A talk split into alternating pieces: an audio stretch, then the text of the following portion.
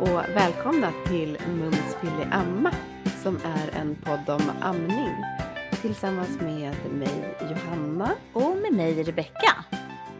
Och idag har vi också Josefin med oss. En kvinna som driver ett stort Instagramkonto, Bebisen och vi. Välkommen! Tack så mycket! Du är ju, dels är du mamma till fyra barn i spridda åldrar, men du är också BVC-sjuksköterska. Ja. Som är helt nytt för oss, för vi har ingen sån kunskap alls. Men precis, jag träffar ju barnen under lite längre tid och inte bara den här första BB-tiden utan från att de är nyfödda tills att de börjar skolan. Ah, precis. Så häftigt. Men vi tänkte Josefina att du ska få berätta lite om, om dig själv. Ja, jag heter Josefin Janke. Jag eh, bor i Umeå i Norrland eh, med min familj. Jag har en eh, man och fyra barn som sagt och de är den minsta är ju bara en liten bebis, han är åtta månader. Sen har jag en fyraåring och sen har jag två lite äldre barn som är, de fyller 11 och 15 nu i sommar. Så det är ganska fullt upp här hemma. Och just nu är jag ju föräldraledig med yngsta barnet då men i vanliga fall så jobbar jag på ehm, en familjecentral på BVC som distriktssköterska. Ja, och det har jag gjort sen, jag har varit där sedan fem år tillbaka. Ungefär, trivs superbra med det. Vad innebär det att jobba på en familjecentral? Ja, jättebra fråga. Det är eh, det som är egentligen eftersträvansvärt att alla ska jobba utifrån och det betyder att det är barnmorskemottagning, eh, BVC och Eh, kommunens verksamhet med öppen förskola och socialtjänst ligger på samma, i samma lokal och har liksom verksamhet tillsammans. Så det är som ah. en sam ah. samverkan mellan kommunen och regionen för att familjerna ska kunna få så bra stöd som möjligt. Och egentligen är det ju en tanke då att man ska kunna gå som barnmorska och så har liksom man har träffat sin BVC-sköterska redan under tiden man går hos barnmorskan så man vet vart man ska fortsätta gå när barnet har fött är det någonting speciellt så kan ju barnmorskan rapportera över det så att man den här mamman har inte mått jättebra till exempel så att vi ska ha lite extra koll på henne i början och sådär. Och sen har man ju för familjer som liksom man kan presentera öppna förskolan och visa att här jobbar den här personalen, hit är ni välkomna med era barn och sådär. Det kan de ju visas redan under graviditeten att här kan ni gå och ha på babycafé till exempel och sådär. Mm. Sen också att steget i socialtjänsten ska bli mycket mindre, liksom när de sitter som fysiska personer i samma byggnad, att ja men här jobbar liksom, säg Johan, och han, han är socialsekreterare, om ni liksom behöver stöd kring någonting så pratar ni med honom och sådär. Att det ska bli lite avdramatiserat och sådär, att alla finns till för att hjälpa hela familjen. Jag förstår, det låter ju jättebra. Ja. Gud bra Verkligen, det är så um, synd att eh, man inte har det på samma sätt överallt i eh, våran region. Jag är ju van vid det också mm. från när jag jobbade i Småland. Då var det bara familjecentraler. Och på vissa fanns det även eh, kuratorer också, precis som du beskriver mm. det. Så nära samarbete med socialtjänst och sådär. Men jag undrar ifall inte det börjar utvecklas, för vi eh, tillhör ju Stockholmsregionen och i kommunen som jag bor i, då vet jag att det i alla fall finns två sådana här familjecentraler. Mm, mm, och en som är relativt nyöppnad ja. tror jag. Exakt, jag tror jag vet vilken mm. du menar. Mm. Det finns ja. till och med en, en liksom förening för familjecentraler som jobbar just för att det ska liksom vara det i hela Sverige, att det ska bli likvärdigt mm. och så. så kanske, kanske i framtiden att det ser annorlunda mm. ut. Vi har ju varit superintresserade av att bjuda in dig till podden så himla länge. Vi eh, har ju följt ditt eh, konto ganska länge, i alla fall sedan vi började den här podden för, vad är det, något år sedan eller? Ja, precis. Knappt. Knappt år kanske. Ja. Du skriver så himla mycket bra grejer och det har varit så matnyttig information för mig. Och jag tänker på alla gäster som vi har haft i podden, att du kommer kunna besvara så himla många frågor. Nu blir jag nervös, men jag hoppas det. Ja, ja nej, men det är jag helt säker på.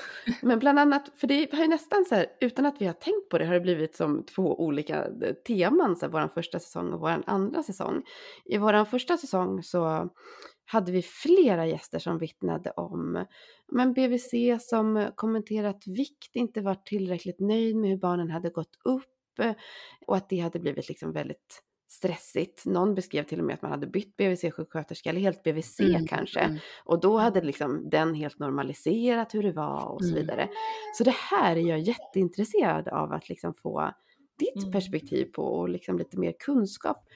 Är det så olika liksom med hur bebisar växer eller hur funkar Mm. det? Alltså till att börja med det här med liksom att folk är, har fått höra tokigheter och sådär. Det är så himla tråkigt. Det var lite det som gjorde att jag startade konto överhuvudtaget och sådär. Att när man läste i till exempel Amningshjälpens slutna grupp på Facebook och sådär så var det som att jag har fått det här rådet av BVC. Och så bara, nej, nej, nej, det är felaktigt. Lyssna aldrig på BVC. Står det byt BVC, byt och sådär. Nej, nej, nej. Men så, kära någon, liksom sådär. Så tänker man komma från en arbetsplats där jag upplever att mina kollegor är liksom mm, amningsvänliga och försöker och kunniga och liksom och jag vet ju att det finns mängder av liksom superkunniga BVC-sköterskor i landet liksom och sådär. Att bara, men så här illa, kan det verkligen vara så här illa? Och, så? Det, och det tror jag inte att det är, utan det är ju, man får ju oftast höra också där det har liksom stuckit ut Mm. och inte, Mm. inte lika ofta där det funkar bra. Liksom. Men det är ju ändå en katastrof att det förekommer sådana liksom felaktigheter, att man får höra saker. Och jag tror att personalen inte alltid förstår vilken konsekvens det får, eller kan få på amningen. Mm. När man säger någonting som inte alls är menat att få föräldrarna att känna sig så liksom dåliga eller misslyckade, utan det är bara som en kommentar. Men det kan liksom tas som att jag duger inte som förälder, det här liksom räcker inte, amningen funkar inte, det är lika bra att jag slutar och sådär. Att det kan få väldigt stora konsekvenser på Mm. det man säger. Så att, Och inte bara Mm. på amningen tänker jag. Jag tänker hela så här bilden av sitt föräldraskap. Ja, kan ju faktiskt precis. påverkas. Verkligen, verkligen. Och det är ju sånt känsligt område. Man måste verkligen väga sina ord och inte säga så mycket. Alltså, det, det är typ det viktigaste jag har lärt mig under de, jag har ju inte jobbat så många år ändå, det finns ju de som har jobbat i 25 år liksom. Men att man är försiktig vad- med vad man säger. Säg mindre och lyssna mer liksom. Och fråga föräldrarna vad de vill. Att man utgår från det. Fråga föräldrarna om de är oroliga över någonting och sådär. Varenda liten kommentar kan liksom, man ska ju inte vara rädd för att säga någonting när det behövs såklart, men man, men man bara, Mm. bara en sån här med tillväxtkurvorna till exempel, att ja, nu har han tappat lite i vikt. Eller Liksom, att allting man säger så kan, kan ändå få ganska stora konsekvenser på Ja. hur föräldrarna tar emot det och så hur det... Och de där tillväxtkurvorna kan ju vara svåra att förstå. Alltså det är så här massa streck och så finns det ett streck i mitten som är tjockt och där tänker man att det där, där ska man ligga. Ja. Liksom i mitt, på mittenstrecket ska man exakt Mm. följa. Men, men hur är det där egentligen då? Hur ska man? Vad, är liksom, vad definieras som normalt? Ja, den där liksom kurvan som ligger allra i mitten, den är ju bara en medelpunkt. Liksom, punkt. det betyder ju att hälften av barnen ligger över den och hälften under. Det betyder ju inte att, hund, att de allra flesta barnen ligger på kurvan, utan det är ju som en mitten på det hela bara. Och sen är det ju delat i fler kurvor. Det finns ju som standardavvikelser som det kallas. Standardavvikelser uppåt och neråt. Och tar man liksom två standardavvikelser uppåt och två standardavvikelser neråt, kommer 95 procent av alla barn befinna sig där inom. Tar man tre sådana här kurvor uppåt och neråt så kommer det vara i stort sett 100 procent av alla barn, 99,8 procent av alla barn. Så att nästan alla kommer befinna sig någonstans inom de här liksom linjerna, men inte på mitten, i mitten. Så. Nej, Eh. det där känns ju bra att understryka. om, om man bara får flika in en sak där, jag tror att du var inne på det Josefin också. Det jag har känt personligen från BVC, det är att man har liksom inte frågat mig, vad vill du? Liksom. Alltså, det har varit så himla mycket råd bara utan att höra vad, vad som funkar och vad man önskar som förälder. Och liksom sådär. Men en del, en del föräldrar tycker ju att det är väldigt mycket fokus på tillväxtkurvorna eh, och sådär. Men samtidigt så måste man komma ihåg att det är ju en av våra viktigaste liksom, arbetsredskap. Jag tänker också på de här grejerna som, eh, som vi hade där på Irmeli-avsnittet. Det var ju, har varit som genomgående det där som du pratade om Johanna med viktkurvorna och eh, hur man känner att man inte har blivit lyssnad på på Mm. sin BVC då av, eh, av personalen och att eh, som, som hon nämnde, hon hade någon eh, bekant där som hade ljugit för BVC, sagt, Ja, det just som de ville höra liksom. Ja, men det är ganska vanligt, Ja. tyvärr. Alltså, det är ju det när man läser. bara, Ja, men jag brukar inte säga som det är för Ja. Mm. Ja, och det kan ju nästan bli farligt också. Alltså som du var lite Ja, inne så på. just- extremt sorgligt. Alltså, Ja, när jag ska känna att till exempel, jag ska ju vara, nu vet jag inte hur många som ljuger för mig, men jag antar att de gör det ibland också. Men jag vill ju vara en person som man kan anförtro sig åt. Om jag ska kunna hjälpa och stötta så vill jag, då måste jag ju utgå från att jag får höra sanningen. Liksom. Att någon vågar berätta att vårt barn har inte kommit igång och ätit så mycket mat än till exempel. Hur ska vi tänka kring det? Inte typ mm. typ att oh, men det går jättebra med maten för att de tror att jag vill höra ah. det. Nej, men mm. precis. Men om vi ska komma tillbaka lite till det här, liksom vad som är normalt med viktkurvor och så vidare. Mm. Att man ser att kurvan planar ut efter en liten tid eller att liksom den inte fortsätter att stiga exakt som den har gjort. Men barnet är välmående och så vidare. Hur ska man tänka kring det? Hur tänker du kring det? Dels är det ju det där att, att en del tycker att vi har så mycket fokus på viktkurvan och sådär, men att man kan liksom inte helt bortse från det heller för att viktkurvan är jättebra som ett ganska visserligen trubbigt instrument men ändå en av de instrument man har för att mäta hur barn mår. För många liksom sjukdomar och sånt kan visa sig på viktkurvan, att barn, symptomen på att barn inte mår riktigt bra oavsett om det är sjukdom eller att de inte har liksom psykosociala riktigt som det ska och så kan ju vara att de inte växer, inte går upp i vikt som de ska. Så därför så kan man ju inte heller bara liksom kasta iväg hela viktkurvan och inte bry sig om den. Men man kan ju inte se på den liksom som att man ska följa det slaviskt och att, man, att barnet ska växa alldeles jämnt hela tiden, för så ser det inte ut för de allra flesta barn. Eh, dels det innan att man inte växer alldeles i mitten utan att man har som sin egen tillväxtkanal, att en del barn är mycket större och en del är mycket mindre och det är helt okej. Okay. Så man ska ju följa sin egen tillväxt och inte sträva efter att alla ska vara jämnstora i mitten liksom. Mm.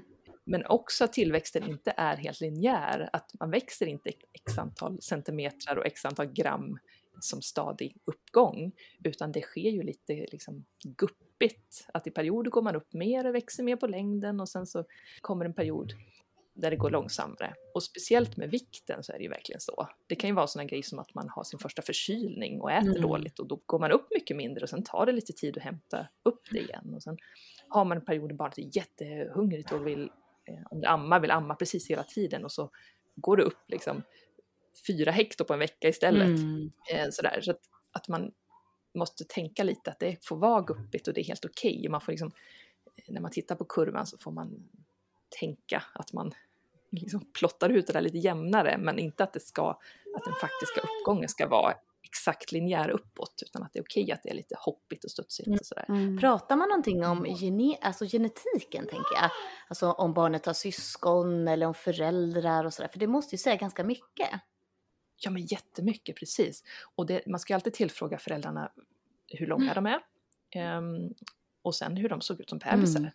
För det kan ju vara att, um, ja, men en typisk grej kan ju vara att om man har en en bebis som är ganska mm. liten, både kort och smal till exempel. Och så säger föräldrarna att Nej, men jag var också det när jag var liten. Och så kanske till och med den andra föräldern, om det också är den genetiska föräldern, säger att Nej, men jag var också det. Om du då slår ihop två som var små som bebisar så är det ju ganska, eller det är ju extremt troligt att deras bebis också kommer vara liksom under medel i både längd och vikt.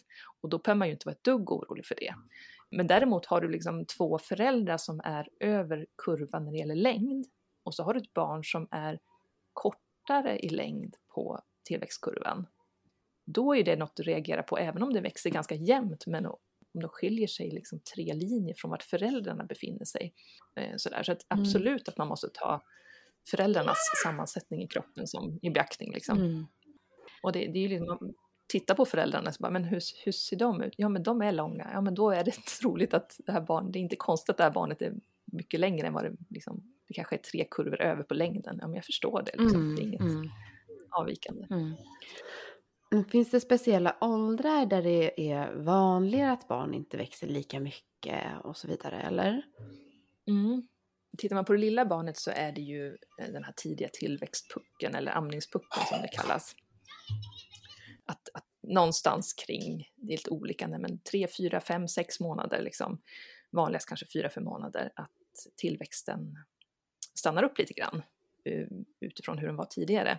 För en del barn kan ju ha en extremt snabb viktuppgång i början, eh, speciellt barn som helammas, då kan de ju liksom gå från nyfödda små smalisar till att bli liksom så två, tre månaders jätteknubbisar så här, hur fort som helst. Den här, eh, de klättrar liksom i tillväxtdiagrammet, att de går från medel till att kanske öka så de går två, tre kurvor upp, liksom, att de ökar hur mycket som helst.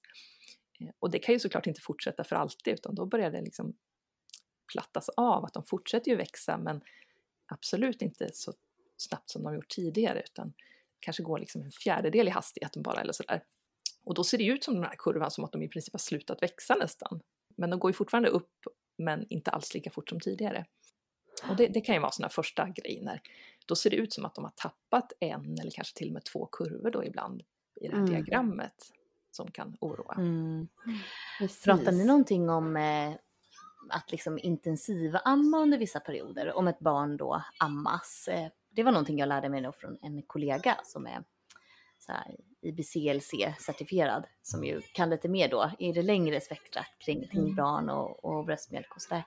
Absolut, det får man göra. Men de här barnen som har ökat sådär supermycket i vikt på amningen innan och så går det lite liksom avstannare och går lite långsammare. De är ju som aldrig något att oroa sig för, för de har ju de har mycket att ta av och liksom, det där kommer rätta till mm. sig. Eh, men däremot så är det en del barn som aldrig har den där riktigt snabba viktuppgången i början heller, utan som är lite mera trevande i vikten och det går lite långsamt från start. Och då om det börjar plattas ut så, så är det lite mera, man har inte lika samma stora utrymme liksom i, i näringsstatus för barnet. Ehm, så det kan ju vara en sån grej att man behöver absolut, att det är mer, mer mjölk i magen för bebisen som gäller för att de ska må bra. Mm. Men det är ju det som är det här med att liksom anmärka på hur barnet växer, det måste man ju kunna mm. göra. Men på ett sätt där det inte tolkas som att föräldern har gjort någonting fel utan där man hjälper föräldern med vad de kan göra istället. Mm. Liksom. Och när det gäller amningen, att man inte skyller tillväxten på amningen, inte vare sig att de växer sådär supersnabbt i början så kan man liksom inte skylla på att de får amma för mycket eller att de kommer bli tjocka för att de ammar. Och samma sak om de går lite långsamt upp till vikt så kan man liksom inte skylla på att mammas mjölk är för, för liksom dålig, att de inte är ja, utan då får man ju ge redskap istället. Att den här bebisen skulle må bra av att få i sig lite mer mjölk. Det här kan du göra för att eh, till exempel intensivamning mm. På, ett, på ett sätt som gör att den som ammar känner sig stöttad istället för liksom nedslagen i. Det är ju inte förbjudet att säga någonting om hur barnet växer tänker jag. Det är också viktigt mm, att ta mm, med. Såklart. Självklart, det är ju det, det är ert jobb. Ju... Ändå. Ja, jag menar mm. det. Så det, det är liksom så här, lösningen är ju inte att aldrig säga någonting om hur barnet mm. växer för att vi uppenbarligen så är vi väldigt intresserade av det och väger och mäter varje gång mm. och sådär. Eh, men man måste ju göra det på rätt ah, sätt. Jag förstår. Skulle det vara okej okay om vi kommer in lite på det här med eh, smakportioner och börjar med mat? För det känns mm. ju verkligen som att det är lite i ropet just nu. Det har ju varit mycket kring, eller i alla fall jag har sett lite på sociala medier här och där och jag tror även någonting på nyheterna just kring det här med att amning, att man har sett nu på studier och visat att amningen avtar oftast i samband med tidig introduktion av mat. Vad är dina upplevelser kring det? Ja, men det hänger ju ganska mycket ihop med det här med tillväxtkurvor tänker jag också. Mm. Att det är ju någonting som många får höra ändå där kring den här tidiga tillväxtpucken vid någonstans vid 4-5 månader att ja, men nu börjar det gå lite långsamt med viktuppgången, nu, nu, behöver, nu räcker bröstmjölken riktigt längre utan nu måste barnet börja få annan mat, mm. får man höra. Mm. Och, och, det är liksom att nu räcker bröstmjölken inte längre. Nej, då är inte min bröstmjölk mm, tillräckligt mm. bra. Jag är inte tillräckligt bra på att amma. Då är det ingen vits att amma. Liksom. Ja, det kan, det kan göra ganska mycket för föräldern och sådär. Att man bara liksom den kommentaren om att nu behöver barnet någonting annat, någonting bättre. Och sådär. Dels så är det ju inte, vår rekommendation är ju att man ska börja med mat till barnet när de är sex månader. Det är inte BVCs uppgift att liksom säga att barnet ska börja med annan mat tidigare än sex månader har det ändrat sig? För när jag fick barn för ja, men, drygt tre och snart fyra år sedan, då pratade man från fyra månaders ålder. Eller mm. min BVC-sjuksköterska gjorde det med mig. Därför tänker jag, är det någonting som har ändrat sig eller var det? Nej, det har ju inte det. Och det där Nej. är så himla intressant för det där är samma råd sedan 2011. Ja, ah, då, då, är, då är matrekommendationen sen eh, sex månader är, är då som barnet bör börja. Det man la till är ju det här liksom lilla extra rådet om att om föräldrarna väldigt gärna vill börja med mat tidigare så är det okej okay från fyra månader att ge pyttesmå smakprover. Det var någonting som lades mm. till, okay. det minns inte jag, men det var 2000, mm. var det 17 eller någonting sånt. Nu kan jag säga helt fel här. Mm. Ja, och då kanske det lätt kan misstolkas. Mm. Då, Precis, det där är ju det är superintressant för liksom, syftet med det enligt Livsmedelsverket det var ju egentligen att det här rådet från 2011 om att vänta till sex månader, det tog sig liksom inte emot riktigt så som man ville. BVC-sköterskor och föräldrar fortsatte att liksom ge mat från fyra månader och rekommendera mat från fyra månader.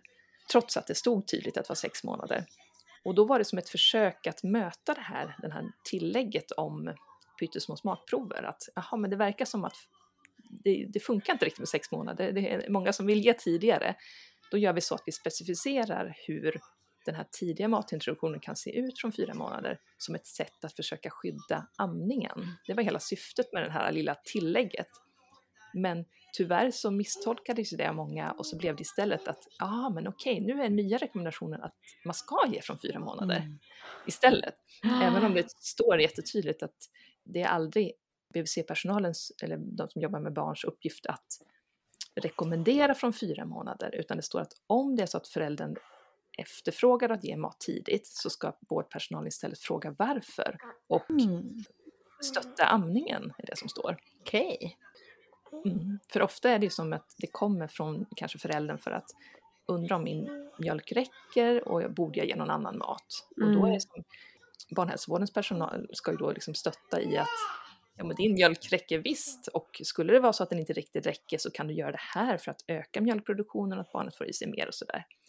Så att den lilla mat man ska ge från fyra till sex månader är ju i så fall så pyttelite att det inte spelar någon roll ur näringssynpunkt. Alltså det ska ju vara liksom kryddmåttsstorlek, en milliliters smakprover. Mm. Och det säger sig självt att, att de får smaka en milliliter palsternacka kommer ju inte göra att de börjar öka mer i vikt. Liksom. Nej. Um, så, så att, att ge råd om att börja med vanlig mat för att vikten planar ut vid fyra månader, ja det är helt felaktigt egentligen.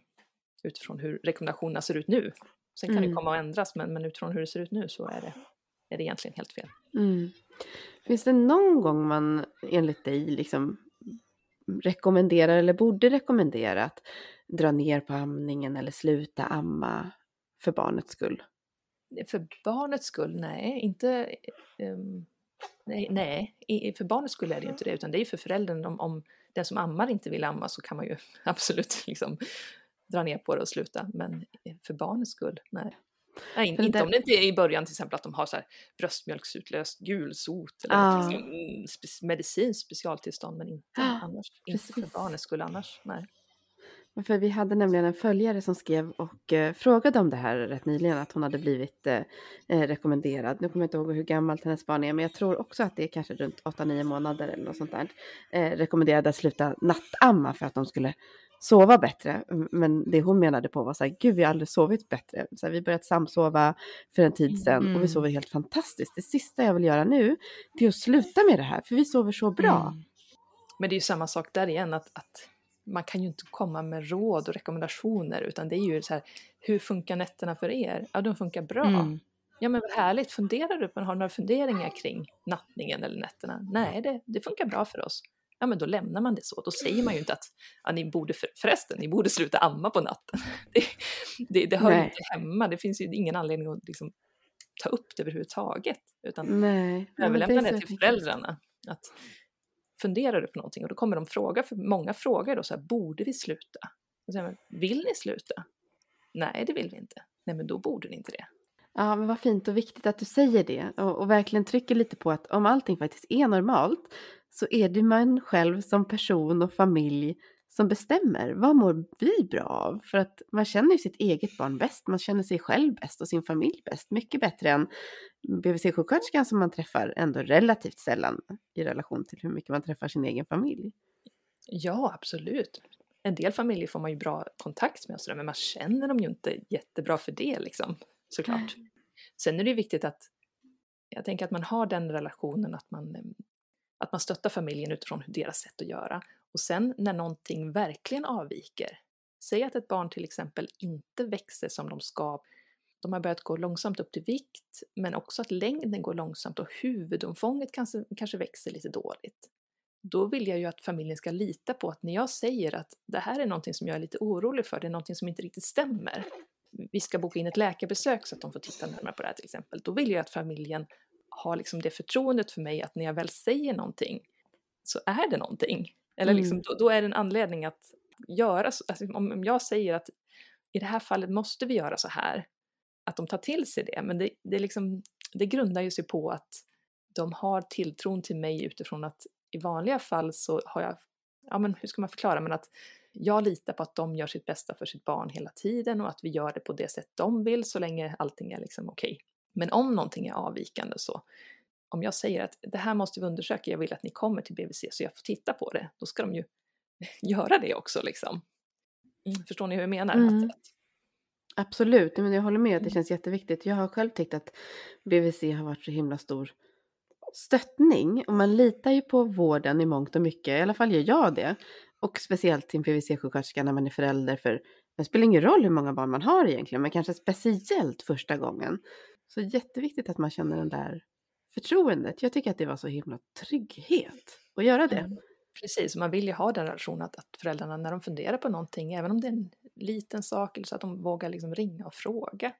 Mm. Eh, jag brukar säga när jag träffar dem för första gången och sådär att de ska tänka mig som en googlingfunktion. Att istället för att googla upp olika saker så är det helt okej att ringa och fråga istället. Mm. Liksom.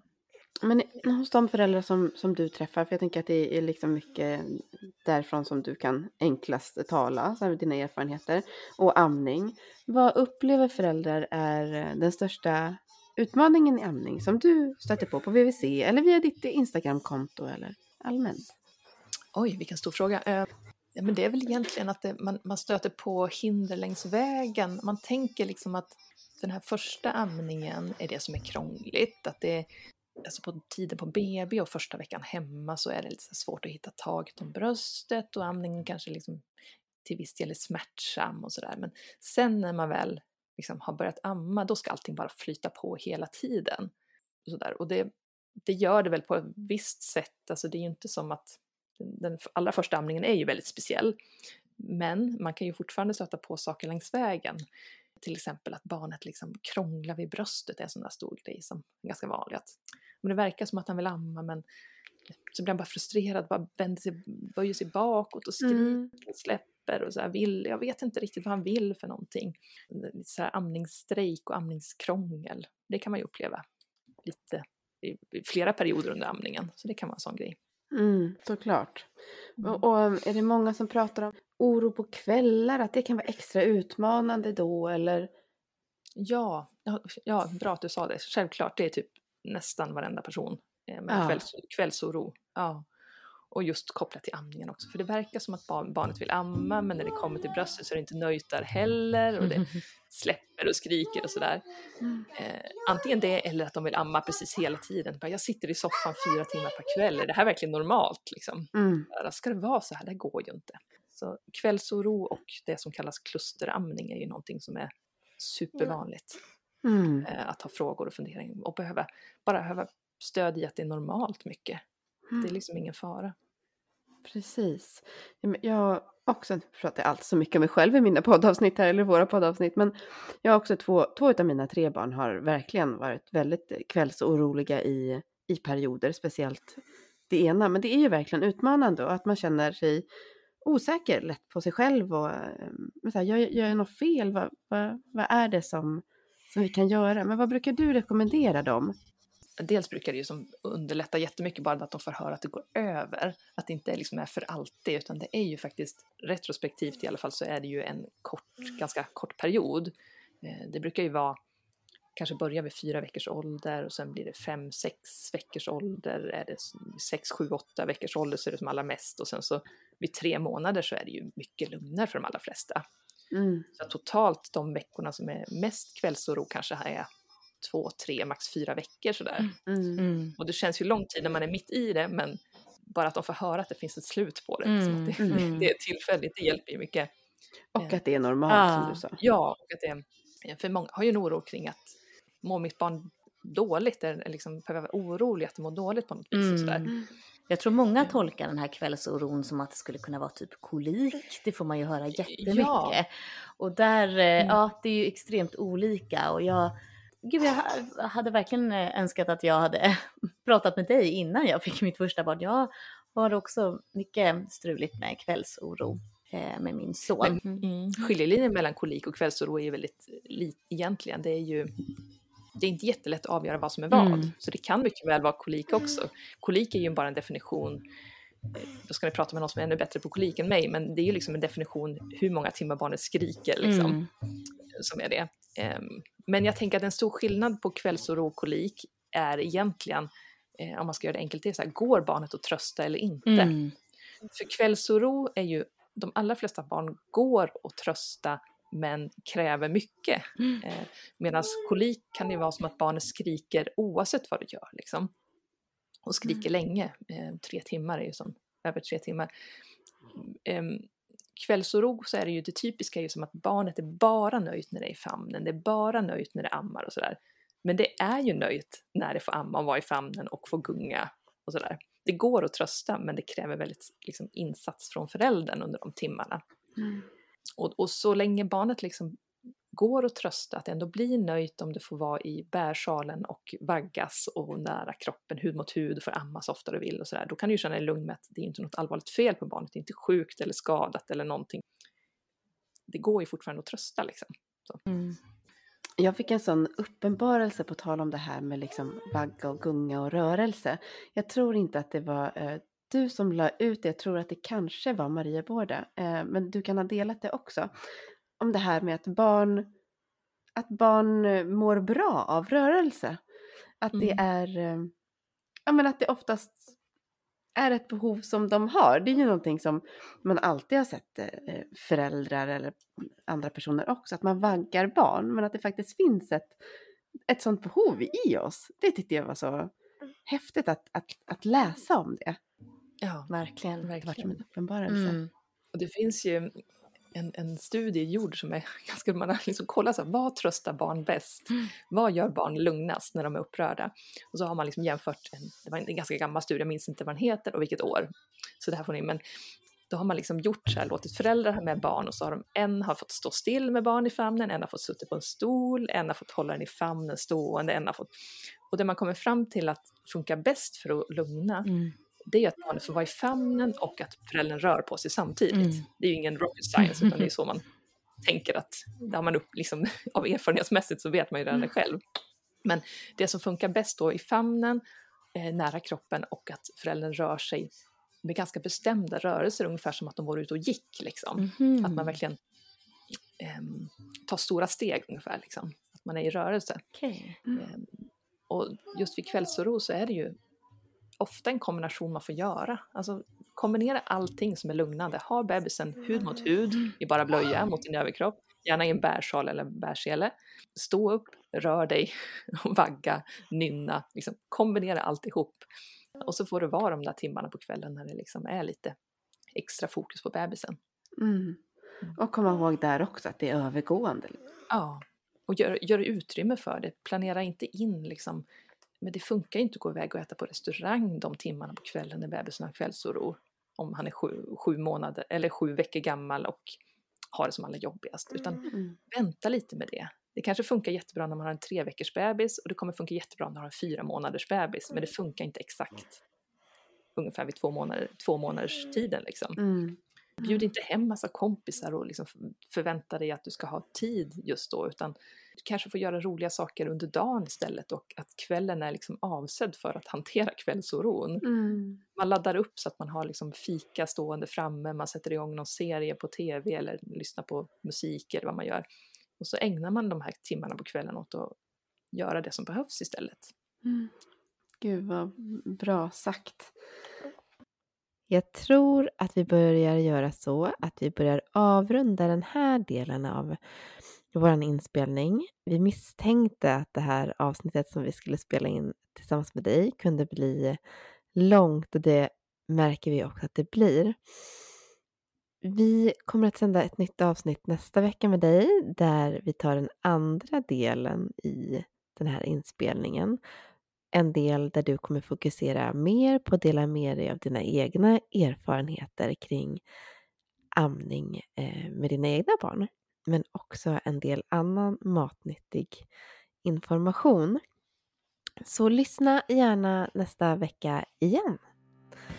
Och tack så jättemycket Josefin för den här veckans avsnitt. Och så kommer du som sagt tillbaka nästa vecka med den andra delen. Ha det fint allihopa. Hej då.